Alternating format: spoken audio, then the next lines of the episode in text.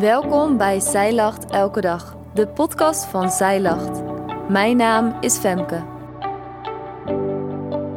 Dit is de overdenking van 6 december, geschreven door schrijfster Marijke Gootjes Verhoeven. Voor Advent voor vandaag lezen we 1 Samuel 1, vers 8 en 1 Samuel 2, vers 10. We zien in de Bijbel telkens weer dat God naar vrouwen omziet. Hij verhoort en hoort hun gebeden en brengt verlossing, ondanks hun ondergeschikte positie in die tijd. God is een God van zien en heeft ook zeker oog voor vrouwen. Juist wanneer een situatie hopeloos lijkt en de toekomst onzeker is, zoals bij Hanna en Maria, blijkt dat voor God niets onmogelijk is. Laat dat eens tot je doordringen. Soms voel je je ondergeschikt of ongezien en onbeduidend en kan een situatie hopeloos lijken. Maar God ziet jou.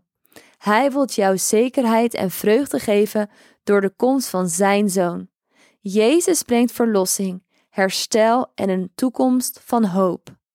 Het gebed voor vandaag is: Dank u wel, Vader, dat u oog hebt voor mij.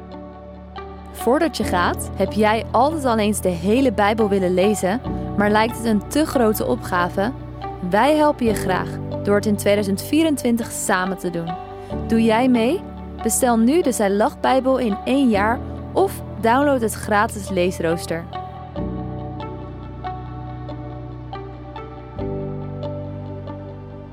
Dankjewel dat jij hebt geluisterd naar de overdenking van vandaag. Wil je de overdenking nalezen? Check dan onze website.